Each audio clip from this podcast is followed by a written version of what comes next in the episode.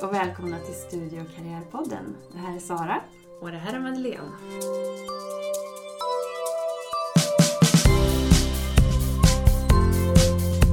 För idag har vi gäster med oss i podden, Ja. som vanligt. Två gäster. Vi har eh, Hanna Jansson, välkommen hit. Tack. Och Felix Brunstedt, Tack så mycket. välkommen hit.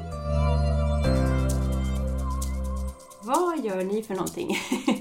Felix, ska du få börja? Ja, jag eh, jobbar som informationsansvarig på Uppsala teknolog och naturvetarkår som är kåren för alla som pluggar på tecknat här i Uppsala. Så ansvarig för marknadsföring för kåren och för eh, kontakt med alla engagerade som jobbar med marknadsföring och lite sånt. Så det är sociala medier och hemsida och dylikt som jag arbetar med. Och du då Hanna? Ja, jag är ordförande för föreningen Uppsala Ekonomerna. Så att eh, vi är studentkår för företagsekonomer och nationalekonomer här på Uppsala universitet. Eh, och i min ordföranderoll så har jag liksom lite, vi brukar skämta lite om att jag är lite mellan stolarna ansvar, men det är ganska precis det jag får. Ehm, jag får liksom ansvara lite för allt som ingen annan får ha ansvar över. Just det. och allt som lite dyker upp längs vägens gång. Ja, så det är lite det vi ska prata om idag, just det här med kårengagemang Mm. och hur det kommer sig att ni har blivit engagerade och sådär. Och det är väldigt roligt också att ni håller till på två helt olika campus. Hanna, du är på Ekonomikum Precis. och Felix är ju mest på Ångström. Ångström ITC. Ja, så det är, det är helt två olika världar. Mm. Men vi tänkte föra samman er nu. Ja, det låter bra. Precis, för ni har bägge fastnat för det här med kårengagemang. Hur hamnar ni där ni sitter idag? Ja, det är en bra fråga. Ja. Jag vet inte riktigt. Jag, jag kom ju till Uppsala lite så här, lite ad hoc. Skickade in en ansökan lite sista dagen. Och bara, ja, men det, här, det här blir nog kul. Jag Ja. provar. Ja. Eh, kom hit och började vi eh, ha någonting som vi kallar resseveckor borta hos oss. Eh, sju veckor, så det är långt av välkomstveckor. Oj, det var nog rekord. Ja, Vi har två, det räcker bra så. Men det gör det väldigt eh, intensivt. Ja. ja vi, vi gör det inte så intensivt. Vi gör det lite mer utdraget, men på, på sex, sju veckor. Sådär. Eh, och jag tänkte att ja, men jag, jag hakar på lite, det, det blir nog kul. Och tänkte nöja mig där, men sen så rullade det på. Liksom sökte fadder och så Du hittar kompisar. och hittade kom kompisar in i- och kom på liksom hur fantastiskt det här studentlivet faktiskt är.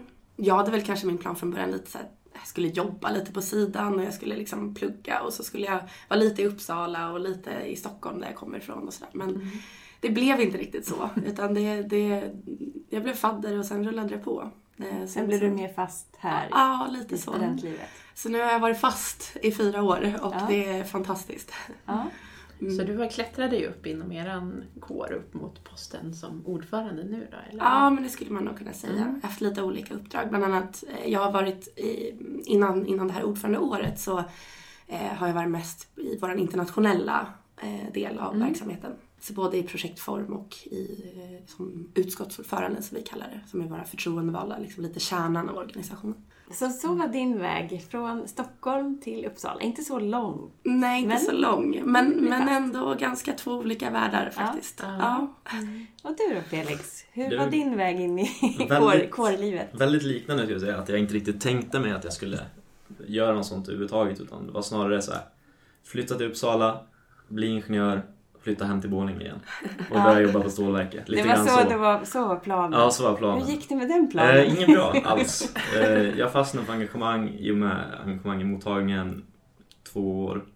Och sen, så, sen dess har jag bara fly, flyter på. Bara, det, alla mina vänner är engagerade så det är lite så det har blivit.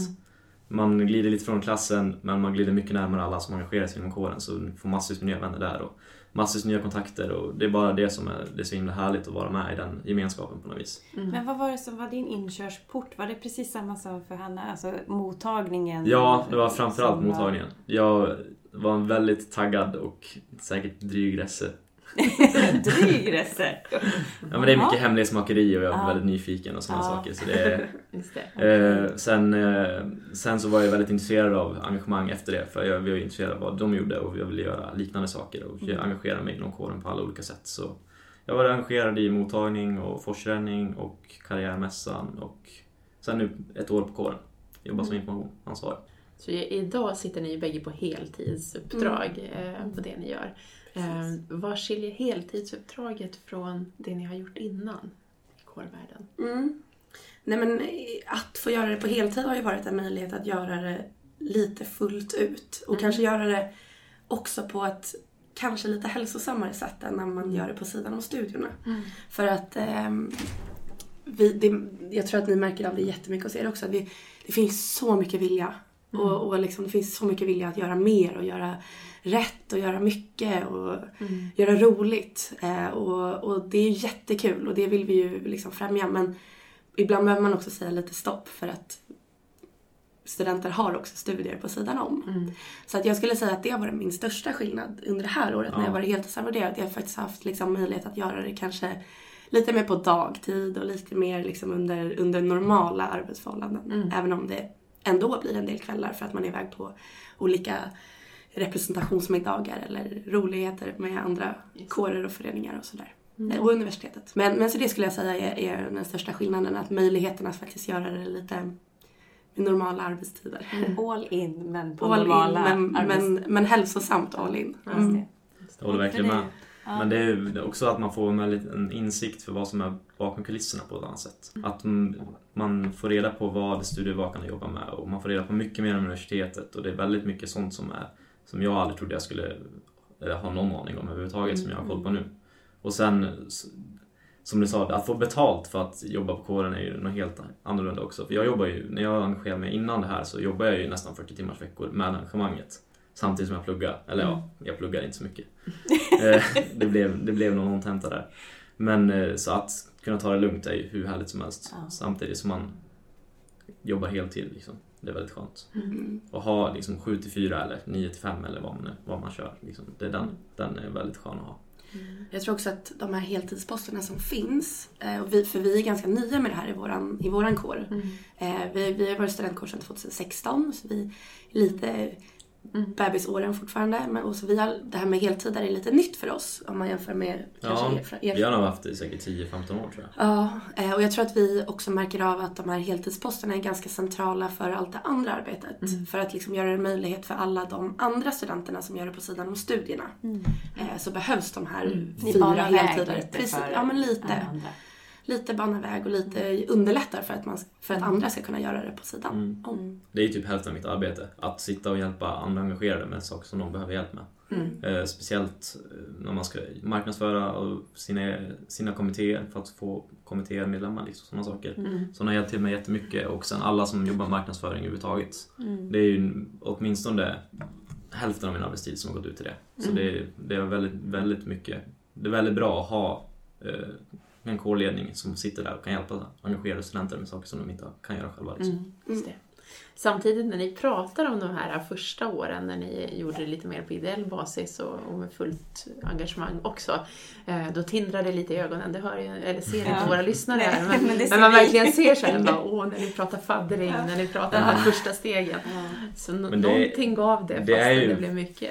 Det är ju blir som ett fritidsintresse. Ja. Det är ju, man, även fast man jobbar ihop så sitter man ju med väldigt goda vänner. För det, I början kanske inte man tror att man kommer att bli goda vänner. Nej. Men sen ett halvår senare så är det ens bästa vänner i livet. Typ. Så det är, det är i alla fall min uppfattning med de flesta arrangemang som jag har gjort.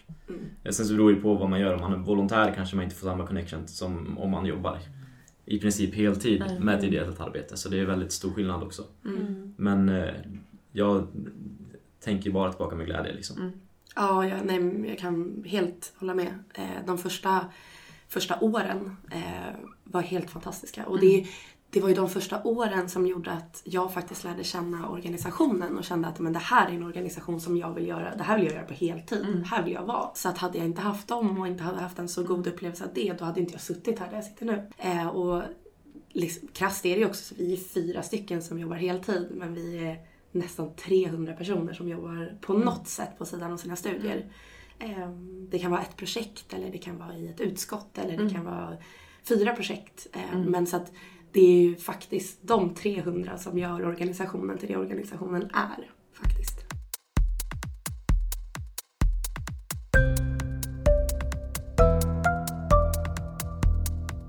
Vad skulle ni säga, vad är liksom det som det ger mest? Alltså vad får ni ut av det? Jag skulle säga kontakter. Ja, nätverket. Nätverket tror jag Ja. absolut är det mest, alltså det viktigaste. Om du Eller tänker det på man får ut- ja. Och, Sen så ser det ju bra ut på CVt också, men att ha kontakter ute i arbetslivet, oavsett om det är att man ska söka jobb i framtiden eller om det är att man behöver hjälp med någonting, alltså, så är det verkligen kontaktnätet kommer ju vara guld värt om tio år.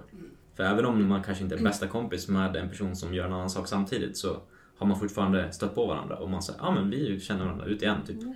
Så det Och att kan, man har läst lite olika utbildningar också. Ja. Lite olika Ja, verkligen. inriktningar. Olika kullar. Olika, och, Mm. Ja, precis. Ja, kanske inte men- blir lika mycket olika utbildningar hos er. Kanske samma, men Ja, Men nog det- lite mer samma än Ja. är hos er. Ja, nej, men jag håller med kontaktnätet, men också möjligheten att få lära sig. Ja. Alltså, jag har fått prova på saker under det här året och under mina tidigare år som jag... Liksom, det hade dröjt många år in i arbetslivet på att jag skulle få prova på det. Jag är liksom med och leder en organisation nu som består av 2000 medlemmar. Och Jag har fått möjligheten det senaste året att sitta och leda en styrelse. Eh, Det, om någonsin så kommer det att vara väldigt många år bort nästa gång. Men just ledarskap, Mm. det blir en ledarskapsutbildning Mm. för eh, båda lite ja, grann. verkligen.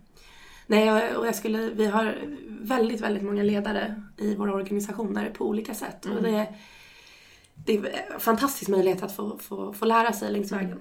Mm. Och få prova sig fram och upptäcka att det här är mina styrkor och här kanske jag inte var lika bra på men det kan jag öva på. Eh, Bli liksom, lära känna sig själv och bli medveten om sina egna egenskaper. Jätte, jätteviktigt. Men om vi tänker nu att det sitter att student, någon student lyssnar på det här som eh, inte har varit kår eller engagerad. Hur ska man komma i kontakt? Liksom? Det kan ju vara svårt att ta det här första steget kanske. Eller man Om man inte hoppade på det där första, Ja, första tåget vid mottagningen. Utan att man tänker att ja, men, ja, det är redan för sent. Liksom. Jag, hur ska jag, vad ska det är man aldrig göra? för sent.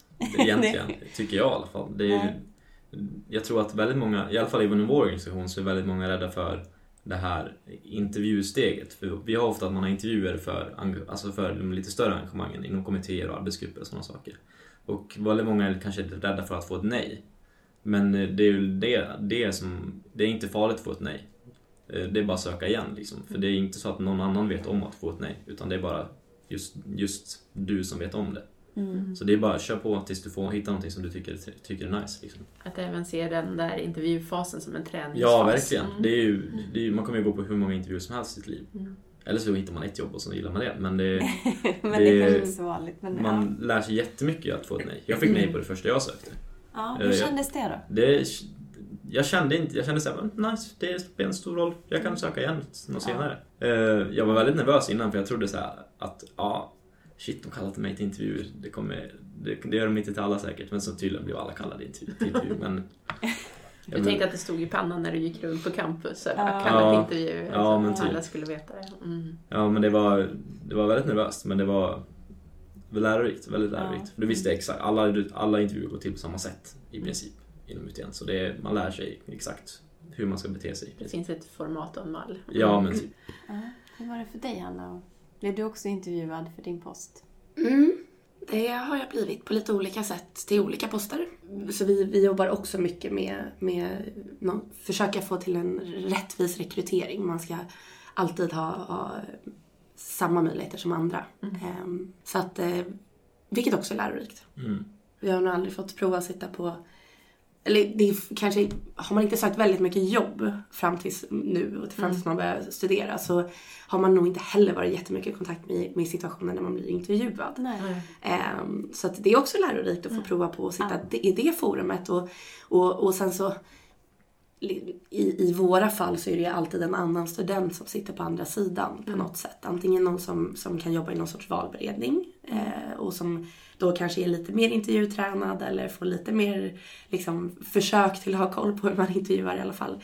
Eller så är det en annan medstudent som intervjuar. Så det, det kan ju också bli lite speciella situationer. Att man kan faktiskt bli intervjuad kanske av en vän Ja, eller av en, klass, kurskamrat eller så.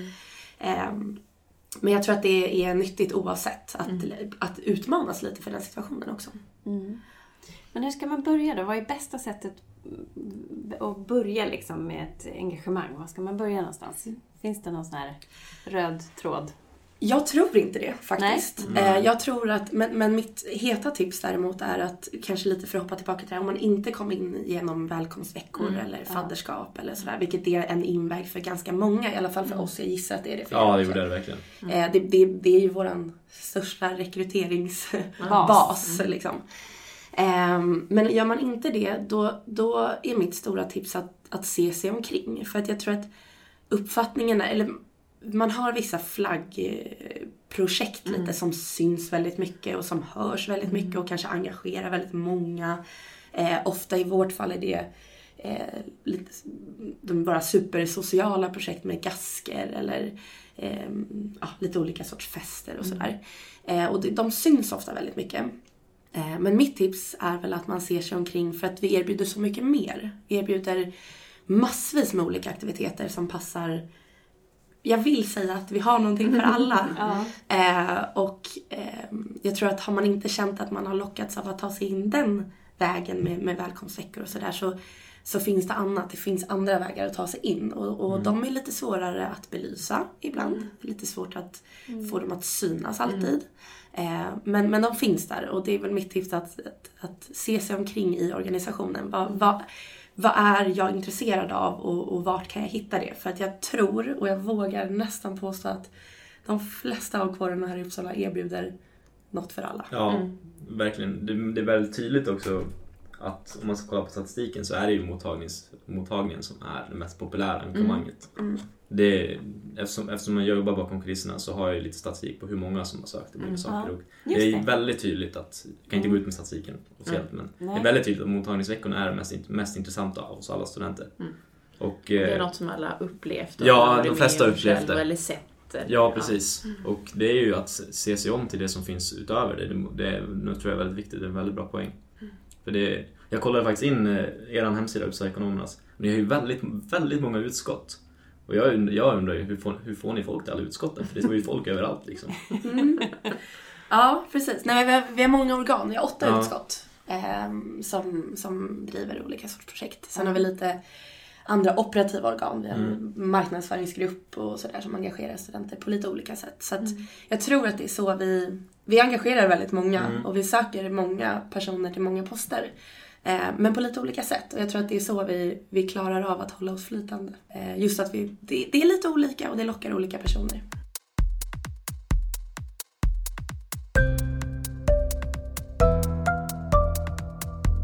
Jag, tänker lite grann utifrån eh, de här heltidsposterna ni sitter på idag så ingår ni ändå i ett, en styrning av hela era kårer. Vad är det läskigaste? Jag menar, ni, ni representerar de två kårerna som har exempelvis de största karriärmässorna. Eller några av de största ska vi lägga till. Och det är jätteomsättning bara där i både pengar och företag och Ja. eh, Stor engagemang. apparat. Ja, det är Mm. ett jättemaskineri. Men vad är det läskigaste på era heltidsposter? Åh, bra fråga. Just min heltidspost har nog inte så mycket sådana ansvar. Eftersom jag sitter inte med i styrelsen eller något sånt där. Utan vi har en styrelse som jobbar ideellt förutom ordförande och vice ordförande. Så just min post har nog inte så mycket med det att göra. Men jag tror nog att vi har en projektledare för Utnamn, då, vår karriärmässa, som jobbar heltid också. Och jag tror att eh, hon, är, hon kommer, har nog vant sig vid att det är, mycket, det är höga siffror här. Ja. Man, det, är bara några läskigt. extra nollor. Ja, man det- får det- liksom tänka bort det. Så jag har ju varit projektledare förut för Forsränningen. Ja, Och efter ett tag så blir man, Precis. blir man lite så här. Ja, det är några extra nollor. och Forsränningen är ju också i samma division som mässorna nästan. Mm. Att det är ju Mm. ett jättemaskineri. Om man tittar på hur Eh, mycket publik som kommer och tittar liksom, då blir man ju nästan mörkrädd. Ja. Och samtidigt är det Eller- väldigt doldis att det är en Ja. studentkår som ligger Ja, bakom precis. det Gör hela... driften. Ja. Utan det tror man är något som Uppsala kommun Mm. Mm, verkligen. sjösätter. Vad skulle Ja. Så svarar inte jag på frågan överhuvudtaget. Jag, Nej. jag, har, jag, har, jag har så inget Det svar är på det okej här med gliriga svar. Ja. Jag tycker det är läskigt att skriva ut någonting som väldigt många läser. Det tycker jag är väldigt läskigt. Ja. Eftersom det, är- det är mitt ansvar. Just det, trycka Mm. på sändknappen Ja, liksom. på nyhetsbreven har- och sådana Ja, saker. Ja, har jag skrivit fel nu? Mm, det har jag gjort massvis med gånger. Mm. Stavfel är min Men vad hände? Har det... Men vad, vad hände liksom? Det blev väl var väl inte så farligt kanske? Nej. Att det blir lite fel ibland? Det blir det väldigt ofta. Hanna, vad skulle frågan. du säga? Ja. Mm. Jag satt och funderade lite här. Det är lite svårt. Jag, jag kan också säga, alltså, man har ju blivit lite blind längs vägen på något sätt. Lite det här att ibland så, eh, vi försöker vara ganska duktiga på att stanna upp och, och påminna varandra om att okej, men vi är en studentförening, vi är en studentkår. Vi gör det här, det, det, är, liksom, det är stort. Eh, man, man glömmer bort det lite längs vägen ibland och är kanske också lite hårda på varandra ibland. Eh, eller med, Ja. mot oss själva eh, snarare. Mm. Eh, med att eh, liksom, allt ska vara perfekt och allt ska vara så himla bra. Och ibland då så är det väldigt bra när någon av oss kommer på att faktiskt så här, men vi är en studentförening. Liksom. Ja. Vi lär oss. Vi, vi, Precis. vi ska vara bäst på vårt jobb sista dagen. Mm. Eh, inte första. Eh, det är mm, viktigt. Men läskigast? Ehm, ja... Jag, tror, jag försöker fundera tillbaka lite om... Jag tror att min syn på det har förändrats lite längst året, ganska naturligt. Självklart. Eh, men där i början så tyckte jag nog att det var... Det var lite läskigt att komma till ett stort beslut för att känslan var alltid lite... Åh, har vi glömt någonting nu? Har vi missat något jättestort perspektiv här? Eh, är det här ett, ett beslut som är jättemärkligt nu? Liksom? Vad, vad har vi missat? eh, ofta så hade vi nog inte missat något jättestort. Eh, hade vi det så löste det sig ändå. Men det vet jag, det tyckte jag var lite läskigt i början. Eh, på gott och ont har, väl, har man väl hamnat lite i, i hjulspår nu och känner sig lite säkrare och kanske då kör på lite fortare och det kanske inte alltid är bra heller. Men vad jag tycker är läskigast idag är nog på något sätt att vara jag ska vara li- lite klyschig och säga det är lite åt båda hållen. Det är också det jag tycker mest om, men också som är lite läskigast. Att vara en, en central eh, figur i organisationen som många vänder sig till och som många vill ha stöd och hjälp ifrån. Och, eh, och, och, och jag, jag gillar den rollen. Det är därför jag har sökt den här posten. Jag gillar att vara lite spindeln i nätet. Men det kan också vara lite läskigt, lite med samma perspektiv som jag tyckte där i början. Men att, att, att missa någonting eller att se alla och att känna att jag, jag har liksom jag har hjälpt alla personer som ville ha hjälp av mig. Eh, och ibland är det lite, lite läskigt att känna då att oh, undrar om det här Undrar om det här blev så bra som jag tänkte eller undrar om jag fick fram det där jag tyckte eller, eller undrar om jag förstod den här situationen. Ehm, och framförallt kanske i person, liksom om man blivit personligt bemött med någonting som någon annan kanske tycker är jobbigt eller så. Just det. Eh, det kan vara lite läskigt tror jag att jag vågar säga. Men det tror jag alla ledare känner av, den här, att hitta den här balansen. mellan- Håller i rodret och samtidigt så ska man släppa lite när det Ja. behövs och låta någon annan styra en liten precis. stund. Ja. Mm. Och lyssna in. Men där tror jag det är viktigt att tänka att man gör så gott man kan. Ja, så är det. Jag vet att du Felix har varit eh, involverad i att jobba lite extra om det här med kårengagemang. Och, Mm. vad, hur, vad, hur har du tänkt där liksom? Vad är det som engagerar studenter och hur har du nått ut? Eh, Vi har ju haft som fokusfråga vår rekry- rekrytering då. För att vi har märkt att det har gått ner lite grann. Speciellt på de större, lite mer ansvarsfulla posterna. Typ projektledare för olika arrangemang och kårens ledningsgrupp och lite sådana saker. Har vi märkt att det engagemanget har gått ner lite grann. Så vi har ju fokuserat väldigt mycket på det i år. Och eh, där har jag försökt, jag försökt få, försöka vara så öppen som möjligt med vad engagemang verkligen innebär. Och försöka nå ut med det. Till exempel att man berättar att, ja, man är öppen med att ja, det kommer vara ganska tufft ibland. Det kommer vara mycket att göra, men det kommer vet du, även gå väldigt bra för det är bara, bara en studentkår som en, en så fint sa det. Det behöver inte återkoppla till det du sa också, man ska vara bäst på jobbet sista dagen. Man behöver inte kunna någonting när man börjar, det spelar absolut ingen roll. Man lär sig på vägen. Och det är lite det som jag har försökt, vara, försökt nå ut med. Och det har varit väldigt mycket filmkampanjer, speciellt nu i april hade vi en filmkampanj där vi sponsrade inlägg och försökte nå ut. Det krockade lite grann med Kuratorkonventet som hade en liknande kampanj samtidigt. Ja, Om nationer då. Men Ja, eh, deras var också väldigt, deras var väldigt Ja. bra. Så vet du, men det är väl ingenting som står i motsatsförhållande? tänker Nej, nej, att absolut man kan inte. eh, engagera sig i både Absolut. nationer och det var bara att det, det blev väldigt mycket sponsrade Ja. videoinlägg samtidigt. Till samma målgrupp. Ja, precis. Ja. Jo, men eh, så de här sponsrade inläggen försökte vi... Det är just för att, det filmer är just för att Facebooks algoritm är att filmer prioriteras högst. Mm. Så det är därför vi har jobbat mycket med filmer i år, för att vi ska nå ut så bra som möjligt till så många som möjligt. Och sen så, eh, förhoppningsvis så har det påverkat någon. Det är mitt mål. Att om, om en person har engagerat sig på grund av det jag har gjort så är jag nöjd. Sen kanske det är fler. Det är säkert Hoppas flera. Precis. Men så här års tänker jag, nu, nu är ni på väg att lämna över eh, rodret till andra personer på era poster. Eh, och då är det dags för det här bokslutet. Och eh, det jag som statlig tjänsteman som har jobbat många år på Uppsala universitet blir så imponerad av, det är er kompetens och förmåga att lämna över. Efter bara ett år så lyckas ni lämna över kunskapen så att nästa tar vid och inte börjar om från början. För annars skulle ju harven bara stå och mata på ett års cykel. precis. Men den gör ju inte det. Och jag som samarbetar mycket med kårerna, jag, jag blir lika imponerad varje höst när väldigt många då har lämnat, lämnat över och vissa gör det ju i januari. Eh, hur tänker ni där inför överlämningen? Nej, överlämning är svårt. Mm. Och eh, som du säger så jobb, vi tvingas ju att jobba mycket med överlämning Mm. för att inte behöva uppfinna hjulet på Nej. nytt varje år. Men jag ska också erkänna att jag tror att vi hade rört oss lite snabbare framåt om vi inte hade vitt varje år Nej. också. Mm. Vi tappar en del i Mm. överlämning, självklart. Mm. Eh, Mm. Det tror jag att ni känner Ja, ja också. absolut. Mm. Eh, Det är ett återkommande problem när man pratar med studentföreningar runt om Mm. i hela Sverige. Ja, Liksom det, ja. Så är det. Eh, Men Nej. absolut, vi jobbar ju mycket med överlämning för att inte tappa allt för mycket. Och, och jag skulle också säga att det är lite en styrka att vi får in ny, Ja. vi får in ny Ny energi en gång om året. Mm. Eh, m- i- och på många poster. Ja. Vissa byter ju kanske till och med oftare så, Precis. och vissa lite mer sällan. Men, men, men generellt så får vi in ny energi och en ny person som kommer in och känner att det här, nu, Man jäklar, brinner för det här. Mm. Nu ska vi förändra liksom, Mm. världen.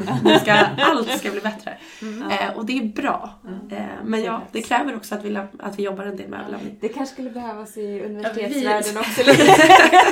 Vi har en del att jobba på där tror jag. Ja, vi ligger lite efter. Det finns ju sådana här vartannat år problem som, väldigt, som Ja. kan dyka upp Ja. ganska ofta. Ja. Så här, det är någonting som man tänkte väldigt mycket på ett år. Mm. Ja. Och sen så lämnar man över det och då lös, då, eller så glömmer man lämna över det eller något Ja. sånt där. Nej, man lämnar över det och sen så lämnar de inte över det och så blir det samma problem Mm. igen som Ja. de löser en Ja, gång till. just det. Ja. Ja. Så det händer väldigt ofta inom, Mm. inom vår organisation. Ja, Mm. Och det är ju ganska tydligt tecken på när överlämningen har brust, brustit. Typ. Mm. Ja, jag skulle säga att det, vi, vi ser av det mycket också. Att man, från år till år så finns det ofta lite fokusfrågor eller Mm. fokusproblem. Mm. Eh, och eh, gräver man lite i arkiven så kan man se att de fokusfrågorna och fokusproblemen de har funnits även tidigare. Mm. Eh, så att det, och för, att, för någonting som blir väldigt själv... För det som är svårt att lämna det är det som känns självklart. Ja, det. För det, det, det tar alla för givet. Mm. Eh, och har man fokuserat väldigt mycket på, på någonting i ett år eller två år kanske. Mm. Då blir det efter ett litet tag självklart och då Ja. tenderas det att tappas lite sen senare i överlämningen. Så att det, det, själv, det som känns självklart är Mm. det som är svårt att, svårast att lämna över. Mm. Skulle jag säga. Måste jag tänka lite grann på. Jag håller på med överlämning nu nämligen. Ja. Så vad är det som är självklart? För jag är typ färdig med överlämningen. Men Ja. jag vet inte riktigt. Jag kanske har missat någonting. Ja. Men, Men det- kanske också Just den där konsten att gå Ja. tillbaka. Vad fick jag när jag Ja, kom hit? precis. Så att det inte blir den där Mm. varannan års Ja. Men sen tror jag också, eller jag, jag, jag är ganska övertygad också om att det finns olika saker att lämna över. Vissa Mm. grejer finns det bara som man skulle kunna punta upp på ett papper att så här, så här är det. Ja. Liksom, det här kan vi inte påverka men det här är information som du behöver. Mm. Eh, men annars är jag en ganska stark eh, förespråkare för att liksom på något sätt förmedla ett jag tänkte så här i den här, jag, jag tacklade det här problemet på det här sättet. Mm. Det behöver inte vara rätt men jag valde att göra så här för jag tänkte så här. Mm. Eh, och att man ger på något sätt några ramar för, Mm. eh, för någon sorts problemlösning. Mm. Eh, snarare än att berätta hur saker ska gå till. Mm. Eh, jag tror att det är omöjligt att göra en komplett överlämning när man Mm. berättar hur saker ska gå till. Mm. Eh, och det, jag tror också att det in, inte heller är en, en effektiv överlämning för att det kanske var min sanning men det Mm. behöver ju faktiskt inte betyda att det är nästa persons sanning. Man vill inte sätta gränser för nästa person. Liksom. Nej, Nej precis, nästa person ska ju komma in med sitt Ja. liv Mm. och, och sina liksom, spetskunskaper och göra Mm. sitt år. Liksom. Ja.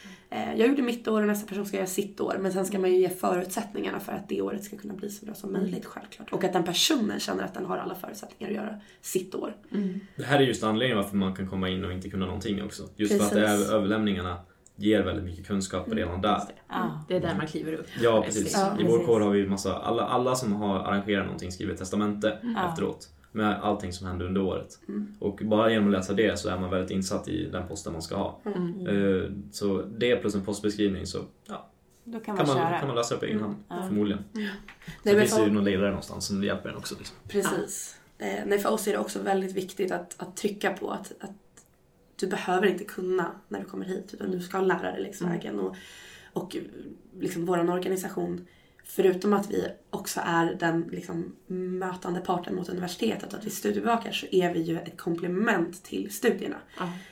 Vi, vår organisation och ditt engagemang ska komplettera det du lär dig på universitetet. Mm. Eh, och det, det är jätteviktigt. Och jag tror att det är viktigt, vi var inne lite på det tidigare, men det är viktigt att få ut. För att jag tror att det kan kännas stort att, att engagera sig, eller ett ett stort kliv, en, en tröskel. Men det är det inte. Utan kom, kom in och eh, se vad, du, vad, vad som passar dig och, och prova. Mm. Prova dig fram och lär dig. Mm.